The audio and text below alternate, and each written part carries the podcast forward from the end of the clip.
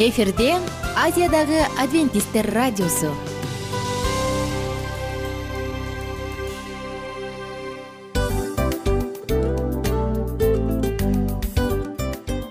Достор салют. Баардык сүйүктүү угармандарыбызга салам айтабыз. Кутман күнүңүздөр менен. Ден соолук өмүрдүн булагы демекчи саламат саамы программасында баарыңыздарды көргөнүбүзгө абдан кубанычтабыз. Анда алгач амандашып өтөлү арбаңыздар деп. Ден соолугуңуздар кандай элибизде көбүнчө ден соолук кандай дегенде эле жакшы деп жооп беребиз э? ооруп турсак дагы жакшы дейбиз. Анан мен муну айтып ойлойт элем бул абдан сонун сөз депчи анткени бул жакшы деген үмүт да э ооба баары жакшы болот. Баары сонун. Деп үмүттөнүп атып эле өзүбүздү өзүбүз дарылап коебуз. Анысы кандай сиздин дагы ден соолугуңуз жакшы беш деген үмүттөбүз чындыгында ден соолук бул өмүрдүн булагы деп бекеринен айтылган эмес деп ойлойм. Кыргыз элинде анткени эгерде ден соолук жок болсо анда адамдын жашоосунда калган баардык керектүү маңыздуу нерселер өзүнүн баалуулугун жоготуп коет. Ошондуктан ден соолук бул эң керектүү нерсе. Ооба туура айтасың кесиптешим чынында ден соолугуң жок бир эки үч күн ооруп калсаң эле кандай болуп калат? Жашоодо көз каранды болуп каласың көп нерсеге жетишпей каласың көп нерсени кыла албай каласың жада калса эшикке дүкөнгө да чыга албай каласың. Туптуура анан ден соолук болсо демек биз биздин бактыбыз тотой деп койсок болот. Анда достор саламат саамы рубрикабызды баштайлы. Алдыда өзүңүзгө керектүү болгон сонун кеңештерди уга аласыздар. Мына ошондуктан биз менен бирге болуңуздар. Ал эми биз болсо милан жана айнура. Кеттик алга. Алга саламат саама ден соолуктун жарчысы. Саламат саама ден соолуктун ачкычы. Күн сайын сиз үчүн мыкты кеңештер сонун жаңылыктар кызыктуу фактылар. Биздин рубрикада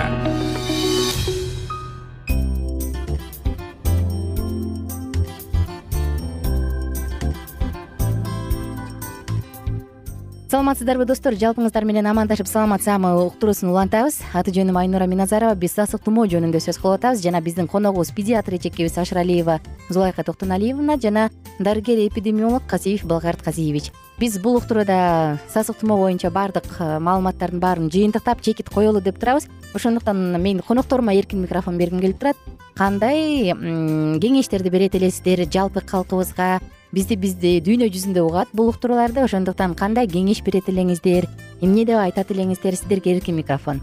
Анда эжеке зулайка токтоналиевна биринчи ушу азыркы убакта мындай ушу э, оору күчөп ооруну күчөтүп жибербеш үчүн көп мындай э, чогулган көп жерлерге барбаш керек. Эл чогулган жака эл чогулган жака барбаш керек кучакташып өбүшпөш керек. Дайыма үйгө келгенден кийин колду жылуу суу менен самындап жууш керек. Андан кийин э, эгерде жакшы жанагындай витаминдүү тамактарды көбүрөөк жеш керек анан таза абада көбүрөөк прогулка жасап таза абадан э, свежий воздух менен дем алып дем алып э? терең терең дем алып жакшы ушундай эмеде жүрүш керек. Балгарт казиевич. э, бул боюнча сасык тумоо боюнча айта кетсек эң биринчи эле бул алдын алуу алдын алуу жолдору деп атпаймынбы вакцинация алса бул адам э, э, грипп менен азыраак ооруйт да сасык тумоо менен. Себеп дегенде бул вакцинация ошо кыргызстанда кайсы грипп болуп атса ошого байланыштуу сайылат. Андан тышкары бул бекер сайылып атат. вакцинациялар бир жактан келет да бизде өзүбүздө жок да вакцинация бул россиядан келген биздики быйылкы грипп болуп плюс сайылды. Эгерде вакцинацияны алса бул оору менен оорубайт деп деле айтыштан алысмын себеп дегенде бул оору менен башка оор түрү менен ооруп калышы мүмкүн да. Ошондуктан жеңилирээк түрү өтөт да. Мурун э, аябай баягы төшөккө жатып калып температура болуп э, капельницага чейин алып ушинтсе анда мында мындай эле парацетамол ичип эле айыгып кетиши мүмкүн. Негизи өзүңүздөрдүн оюңуздар эмне себептен сасык тумоо баардык ооруну козгойт? Биз мисалы сасык тумоо ооруну козгойт деп коебуз бирок эмне үчүн да?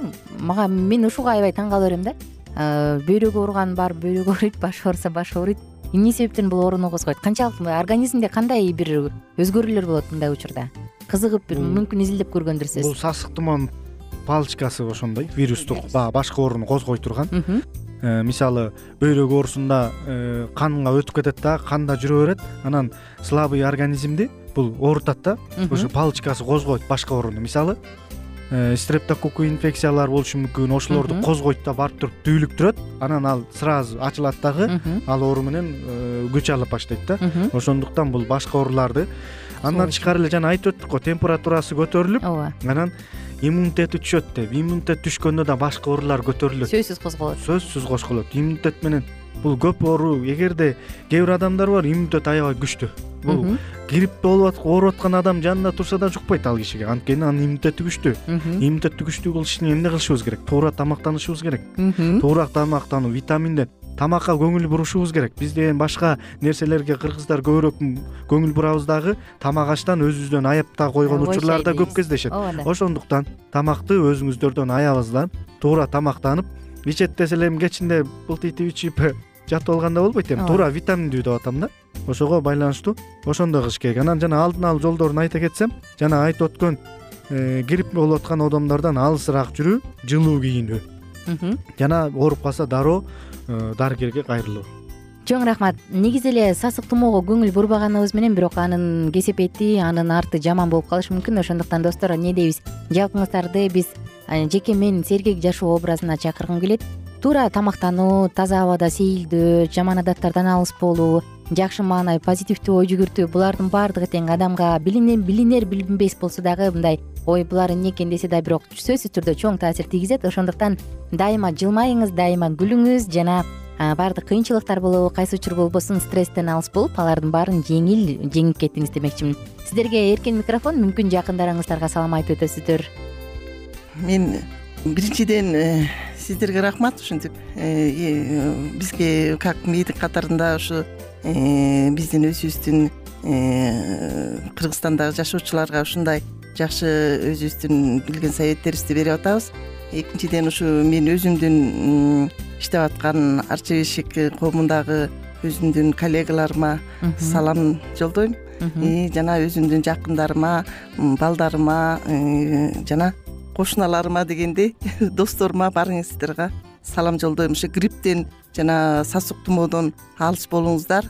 Өзүңүздөрдү сактаныңыздар жакшыраак тамак ичип таза абадан дем алып физкультура менен заниматься этип ушундай өзүңүздөрдү сактаңыздар. Микрофон сизде балгарт мырза. Э, мен дагы өзүмдүн жакындарыма салам айтып кетмекчимин.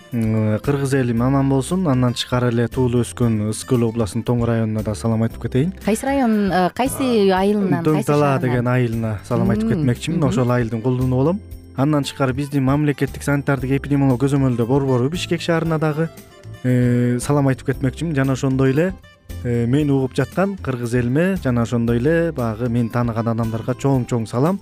Эч качан сасык тумоо менен оорубаңыздар. Дайыма дениңер сак болсун.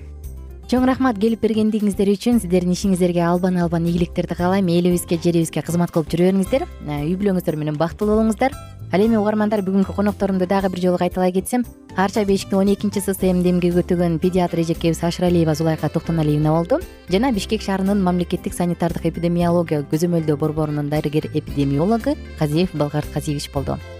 Сиздер менен уктуруубузду жыйынтыктайбыз. Баарыңыздарга кааларыбыз оорубаңыздар. Адамдын эң эле биринчи байлыгы ден соолук сенин үстүңдө үйүлгөн алтын болсо дагы бирок ден соолугуң жок болсо анын сага бир тыйындай кереги жок болуп калат эмеспи. Ошондуктан колдо бар байлыкты колуңузда бар ден соолугуңузду сактаңыз туура тамактаныңыз. Тамактанат десе эле былчыйтай эт жеп же камырдан тое жеп алып туруп мына мен өзүмдөн аяган жокмун деп эмес. Витаминдүү жана туура даярдалган тамак ашты жеңиз. Өзүңүздүн саламаттыгыңызды сактаңыз. Үй бүлөңүз менен көбүрөөк жагымдуу убакыттарды өткөрүңүздөр аты жөнүм айнура миназарова. Кийинки уктуруудан сиздер менен амандашканча сак саламатта туруңуздар. Кийинки уктурууда биз тамак ашты негизи кантип туура тандаш керек кандай кылып туура даярдаш керек деги эле тамак ашты текшериш керекпи мына ушул жөнүндө сөз кылмакчыбыз. Баарыңыздарга кааларым көңүлдүү күн. Саламат саама ден соолуктун жарчысы. Саламат саама ден соолуктун ачкычы. Күн сайын сиз үчүн мыкты кеңештер сонун жаңылыктар кызыктуу фактылар. Биздин рубрикада замандаштар баарыңыздарга ысык салам. Дил маек программабызга кош келиңиздер. Дил маек рубрикасы дегенде эле бул эмне болгон дил маек? Ким менен маектешебиз деп сурайт болуш керек угармандарыбыз. Бул рубриканы кыскача тааныштыра кете турган болсок ар тарап кесип ээлеринен болгон сонун интервью кеңештер бар ооба. жылдыздар менен болгон маек бар аталарыбыздын агаларыбыздын чоң аталарыбыздан сонун кеңештер бар ошондой эле эже сиңдилердин кеңештери бар. Айтор баардык кызыктардын баары алдыда негизи эле адам баласы бир кимдир бирөөнө ишенип сырын ачкысы келет эмеспи э мындай баарлашууга жакын келебиз го. Албетте. Негизи бир жерге отуруп алып кенен шашпай баягы жүрөктөн жүрөккө ачып сырларыбызды ар кандай көйгөйлөрүбүз менен бөлүшүп баягы чын жүрөктөн маек курганды кимибиз сүйбөйбүз э? Ооба десең ал нерсеге суусап да келебиз да. Ооба кээ бирде адамга чындыгында баягы э, ысык маек баягы жылуу маек жетишпейт да. Ошондуктан биз ушул рубриканы ойлоп тапканыбызда эң биринчи эле достор сиздер менен чын жүрөктөн бир маңыздуу темаларды козгоп кеткени э, кааладык. Ошондуктан ушундай сонун бир рубриканы тартуулап жатабыз. Анын үстүнө радио дагы сонун дос да. Анткени э, мындай учурда досуңа айтсаң досуң досуна айтат досу досуна айтат да анан бүт өлкө билип калышы мүмкүн го а радио болсо сени сатпаган сенин айыбыңды ачпаган. Сенин сырыңды эч кимге айтпаган сонун досмына ошондуктан биздин алдыдагы айта турган кеңештерибизди биздин досторубуздун кеңештерин угуп анан ал жака пикириңизди дагы калтырып кайрадан биз менен байланышсаңыздар болот. Деги эле жашооңузга эгерде кичине болсо дагы өзгөрүү алып моралдык жактан нравовдук жактан сонун бир кеңештерди алсаңыз демек биз максатыбызга жеттик. Ооба. Чыңгыз атабыз улуу жазуучу э, чыңгыз айтматов айткандай адам болуу бул күнүмдүк процесс экен. Күн сайын адам бойдон калуу бул адамзатка эң эле эң кыйын дейт э? э эң кыйын дейт. Чындыгында бунун э, негизинде адамдын эң баягы сапаттуулугу адамдын адамгерчилиги жана көптөгөн керектүү нерселер. Мына ошол темалар дагы бизде э, ушул дил маекте биз аларды да козгойбуз. Э, ден соолук жөнүндө да сүйлөшөбүз. Сөзсүз түрдө анан милан мырза негизи айтып коюшат го. Биз көбүнчө эмнени ойлонсок ошол нерсеге карата иш кылабыз го. Ооба. Анан анысы кандай? Балким бул радио баракчада кимдир бирөөнүн оюн текшергенге жардам берет кимдир бирөөнүн жүрөгүн текшергенге жардам берет. Балким кимдир бирөөгө жашоонун маңызын тапканга жардам берер. Айтор кызыктын баары алдыда бул жөн гана кыскача жарнама анда угармандарыбыздын баардыгын кийинки рубрикабызга чакырабыз. Ал эми кызматта маңдайымда отурган кесиптешим милан жана мен айнура. Анда эмесе биз даярдаган терең терең ойлор менен таанышууга кеттик. Алыс алыс баралык. Анда эмесе достор биз менен бирге болуңуздар. Алдыда эң кызыктуу маалыматтардын баардыгы бир нече мүнөттөр бою жалгыз гана сизге арналат. Мына ошондуктан жакшы маанай менен угууну каалайбыз. Үн алышканча. Жөнөдүк. Ар түрдүү ардактуу кесип ээлеринен алтын сөздөр жүрөк ачышкан сыр чачышкан сонун маек дил маек рубрикасында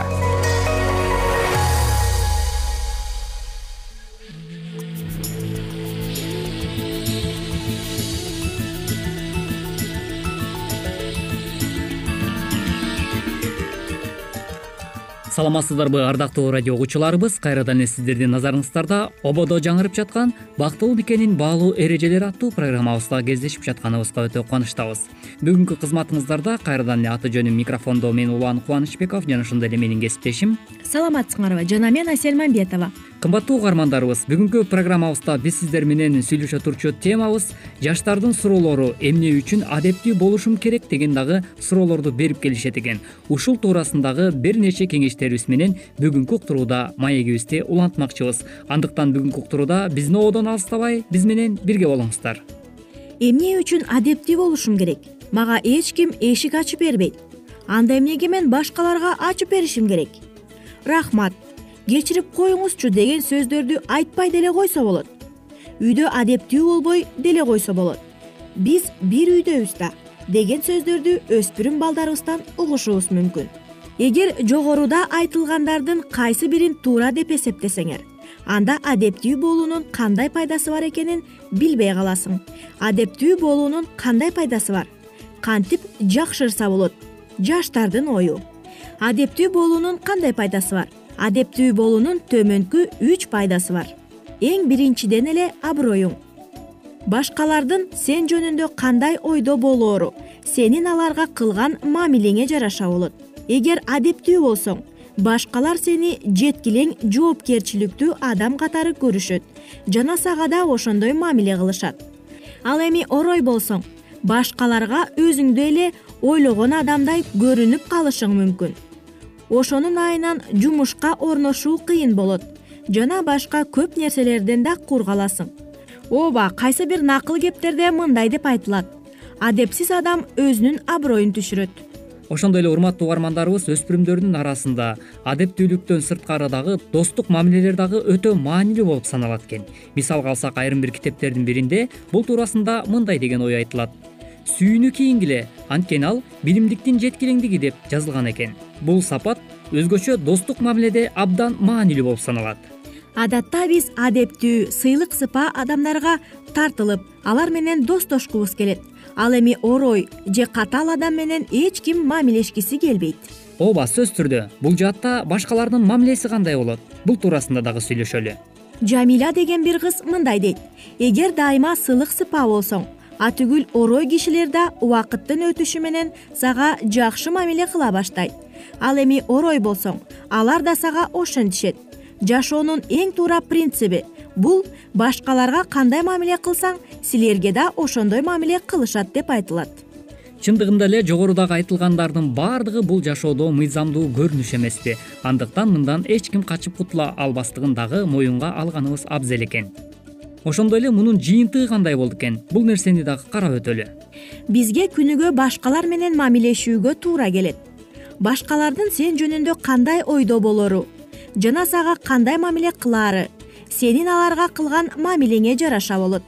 Кыскасы адептүү болгонуң абдан маанилүү. Ошондуктан урматтуу угармандарыбыз кантип мамилебизди жакшыртсак болот? Бул туурасында дагы бир нече кеңештерибизге сиздердин назарыңыздарды оодарабыз өзүңдүн канчалык адептүү экениңди текшерип көрсөң болот. Сен төмөнгүчө ойлонуп көрсөң болот. Улууларды урматтайсыңбы? Рахмат кечирип койчу деген сөздөрдү дайыма айтасыңбы? Бирөө менен сүйлөшүп жатканда смс жазышууга же башка нерселерге алаксый бересиңби? Ата энеңе бир туугандарыңа жылуу жумшак мамиле кыласыңбы? Же алар мени түшүнбөйт деп оңураңдай бересиңби? Андыктан кымбаттуу өспүрүмдөр адептүү болуш үчүн албетте бири бириңерге карата болгон сый урмат көрсөтүүдө демилгени өз колуңарга алганыңар абдан туура болуп саналат.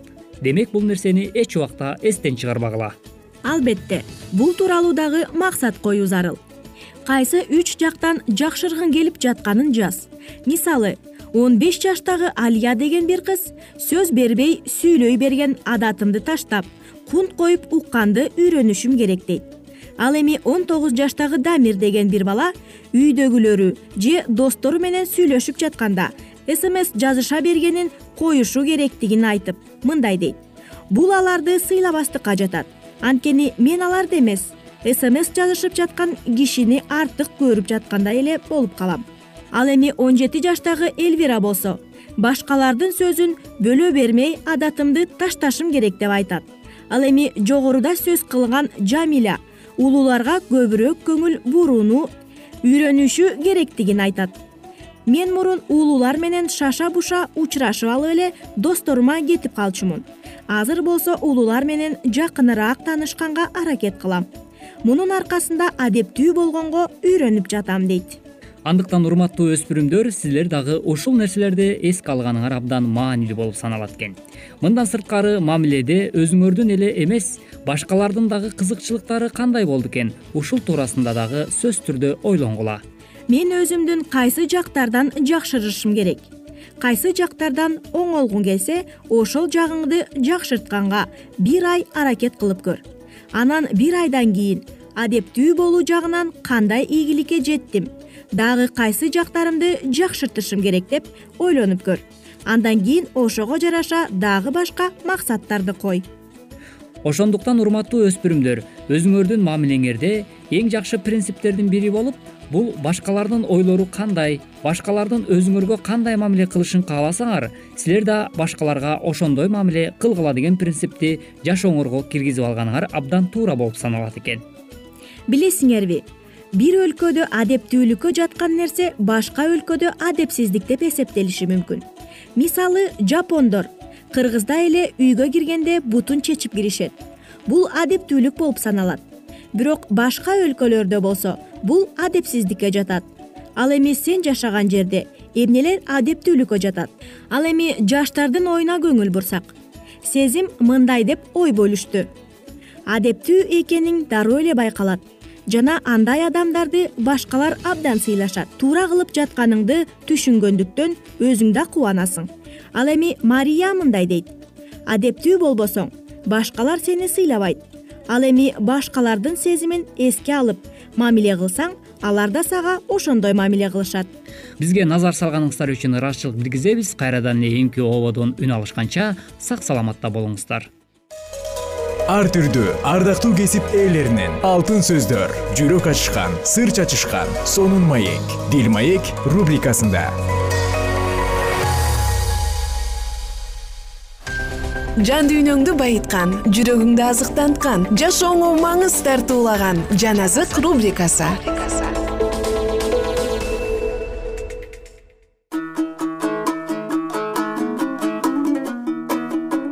саламатсыздарбы достор? Жалпы биздин калай калкыбызга салам айтабыз. Жан азык уктуруусунда забур китебин бирге улантабыз. Кырк төртүнчү забур. Сегизинчи аяттан баштап. Сен чындыкты сүйүп мыйзамсыздыкты жек көрдүң. Ошондуктан кудай сенин кудайың жолдошторуңа караганда сени кубаныч майы менен көбүрөөк майлаган. Бут кийимиң мирра алой касия жыттанат. Пил сөгүнөн жасалган ак сарайларда лера чертип сенин көңүлүңдү ачышат. Падышалардын кыздары сенин ардактуу меймандарыңдын арасында. Сенин оң жагыңда опера алтынынан кийим кийген ханыша турат. Ук бийкеч кара кулак сал өз элиңди атаңдын үйүн унут. Падыша сенин сулуулугуңду көргүсү келет. Анткени ал сенин теңириң сен ага таазим кыл. Тирдин кызы да белектери менен элдин эң байлары да тартуулары менен сага таазим кылышат. Падыша кызынын бүт даңкы өзүнүн ичинде кыздын кийимдери чылк алтындан тигилген. Түркүн түстүү кийим кийген анынын падышага алып келишет артынан курбу кыздарын алып келишет. Аларды кубаныч менен салтанат менен алып келишет да падышанын сарайына киргизишет. Сенин ата бабаларыңдын ордунда уулдарың болот. Аларды сен бүт жер жүзүнө төрө кылып коесуң сенин ысымыңды укумдан тукумга өчпөс кылам. Ошондуктан элдер сени кылымдан кылымга даңкташат кырк бешинчи забур ырчылар тобунун башчысына корактын уулдарыныкы аламот күү асбабы менен ыр. Кудай биздин баш калкалар жайыбыз жана күчүбүз кыйынчылык учурунда тез жардам берүүчүбүз. Ошондуктан жер титиресе да тоолор жылып деңизге чөксө да биз коркпойбуз. Алардын суулары шаркырап ташкындай берсин алардын толкундарынан тоолор титирей берсин. Дарыя суулары кудайдын шаарын бардыгынан жогору турган кудайдын ыйык жайын шаттыкка бөлөйт кудай анын ортосунда ал солк этпейт.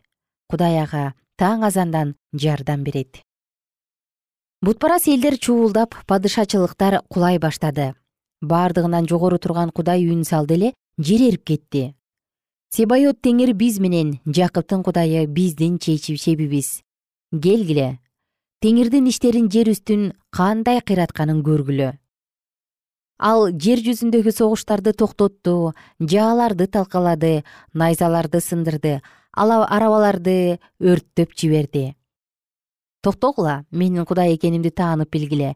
Мен элдер арасында даңкталам жер үстүндө даңазаланам. Себайот теңир биз менен жакыптын кудайы биздин чебибиз. Кырк алтынчы забур ырчылар тобунун башчысына корактын уулдарыныкы забур бардык элдер кол чапкыла кудайды кубанычтуу үн менен чакыргыла.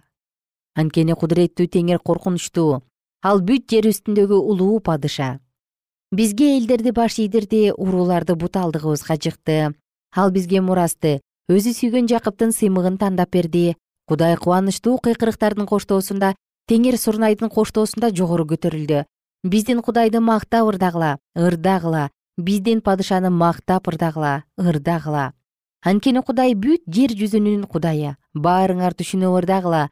Кудай элдердин үстүнөн падыша болду. Кудай өзүнүн ыйык тактысына отурду бардык элдердин төрөлөрү ыбрайымдын кудайынын эли катары чогулду. Анткени жердеги калкандар кудайдыкы кудай алардын үстүнөн өтө бийик көтөрүлдү.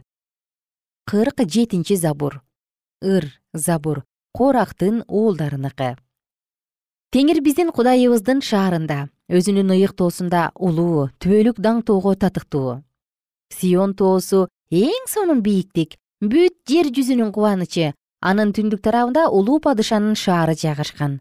Кудай анын сарайларында тирек катары белгилүү. Падышалардын баары чогулуп согушка аттанышты. Бирок алар бул шаарды көргөндө коркуп кетишти үрөйлөрү учуп артка качышты аларды коркунуч каптады толгоо тарткан аялдай кыйналышты. Сен чыгыш шамалы менен таршыш кемелерин кыйраттың. Биз себайот теңирдин шаарында биздин кудайдын шаарында эмнени уксак азыр ошону көрдүк. Кудай аны түбөлүккө бекемдейт. Кудай биз сенин ибадатканаңдын ичинде сенин ырайымың жөнүндө ойлондук. Кудай сенин ысымың сыяктуу эле даңкың да түгөрөктүн төрт бурчуна жетет. Сенин оң колуң адилеттикке толгон сион тоосу шаттансын теңир туура өкүмдөрүң үчүн жүйүт кыздары кубанышсын сион тоосун тегеректеп аны айланып чыккыла анын мунараларын санап чыккыла. Өз жүрөгүңөрдү анын чептерине бургула келечек муунга айтып бериш үчүн анын үй жайларын карап чыккыла. Анткени бул кудай биздин түбөлүк кудайыбыз ал биз өлгөнгө чейин да жол башчыбыз болот. Кырк сегизинчи забур. Ырчылар тобунун башчысына корактын уулдарыныкы забур. Бардык элдер муну уккула бүт ааламда жашап жаткандар буга кулак салгыла. Карапайымдар да атактуулар да байлар да жакырлар да баарыңар уккула менин оозум акылдуу сөздөрдү сүйлөйт жүрөгүмдүн ойлогону билим. Кулагымды акыл сөзгө бурам. Гусли чертип табышмагымды ачам. Башыма кыйынчылык түшкөн күндөрү душмандарымдын мыйзамсыздыгы мени курчап алганда эмне үчүн коркушум керек өз күчүнө ишенгендер жана көп байлыгы менен мактангандар. Адам өз бир тууганын эч куткара албайт аны куткарып алыш үчүн кудайга кун төлөй албайт. Алардын жанын куткарып алуу баасы өтө кымбат. Адам түбөлүк жашаш үчүн жана мүрзөнү көрбөш үчүн эч качан эч кандай кун төлөй албайт. Акылдуу адамдар акылсыз адамдар сыяктуу эле өлүп жатышканы эси жоктор өлүп дүнүйөлөрдүн башкаларга калтырып жатышканы ар бир эле адамга айкын алардын ою боюнча үйлөрү түбөлүк турат. Үй жайлары укумдан тукумга калат. Ошондуктан жерлерин өздөрүнүн ысымдары менен атташат. Бирок адамдын атак даңкы түбөлүктүү эмес. Анткени адам өлө турган жаныбарга эле окшош. Алардын бул жолу акылсыздык. Аларды жолдогондор болсо алардын ойлорун туура көрүшөт. Аларды койлор сыяктуу өлгөндөр жаткан жайга камашат. Аларды өлүм кайратат.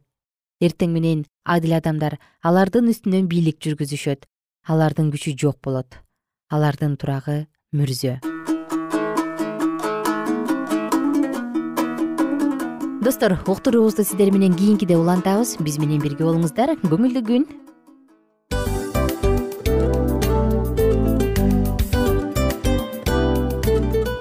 Ушул менен достор программабыздын уктуруубуздун эң кайгылуу мөөнөтүнө келип жеттик. Кайгылуу дегенде ыйлагым келип кетти кесиптеш. Кадимкидей анткени баягы учурашасың анан коштошуу учур келгенде ии кантип ии эми баттан келиптир э сагындырбай деп атып араң коштошобуз го. Анысы кандай угармандарыбыз менен коштошчу учур келди кийинки уктурууларды сагыныч менен жүрөгүбүздө кусалык менен күтөбүз жалпыңыздарды анан жарым сааттык уктуруу көз ачышым канча өтүп кетти. Сөзсүз бирок бизде жакшы кабар бар. Кийинки уктурууларыбызда сөзсүз дагы кезигишебиз. Анткени биз көптөгөн сюрприздерди кызыктуу маалыматтарды жана керектүү керектүү нерселердин көпүнчөсүн даярдадык. Анда угармандарыбыздын баардыгына ийгиликтүү күн каалайбыз. Эгерде бүгүнкү күнүңүз өзгөчө э, өтүшүн кааласаңыз анда позитивдүү ой жүгүртүп жылмайып жакындарыңызга жакшы маанай тартуулап жүрө бериңиз анткени сөзсүз түрдө мунун арты кайтат э? Сөзсүз. Баягы ден соолугуң оңолот ал бул деп көп нерсени санап келебиз. Эң негизгиси бул сиздин жашооңузду жаркын кыла түшөт экен жараткан кудай ар бирөөңүздөргө батасын берсин жашооңуз ийгиликтүү болсун сак саламатта калыңыздар деп мен милан жана кесиптешим айнура. Баардыгыңыздар менен кийинки уктурууда үн алышканча. Баарыңыздарга ийгилик каалайбыз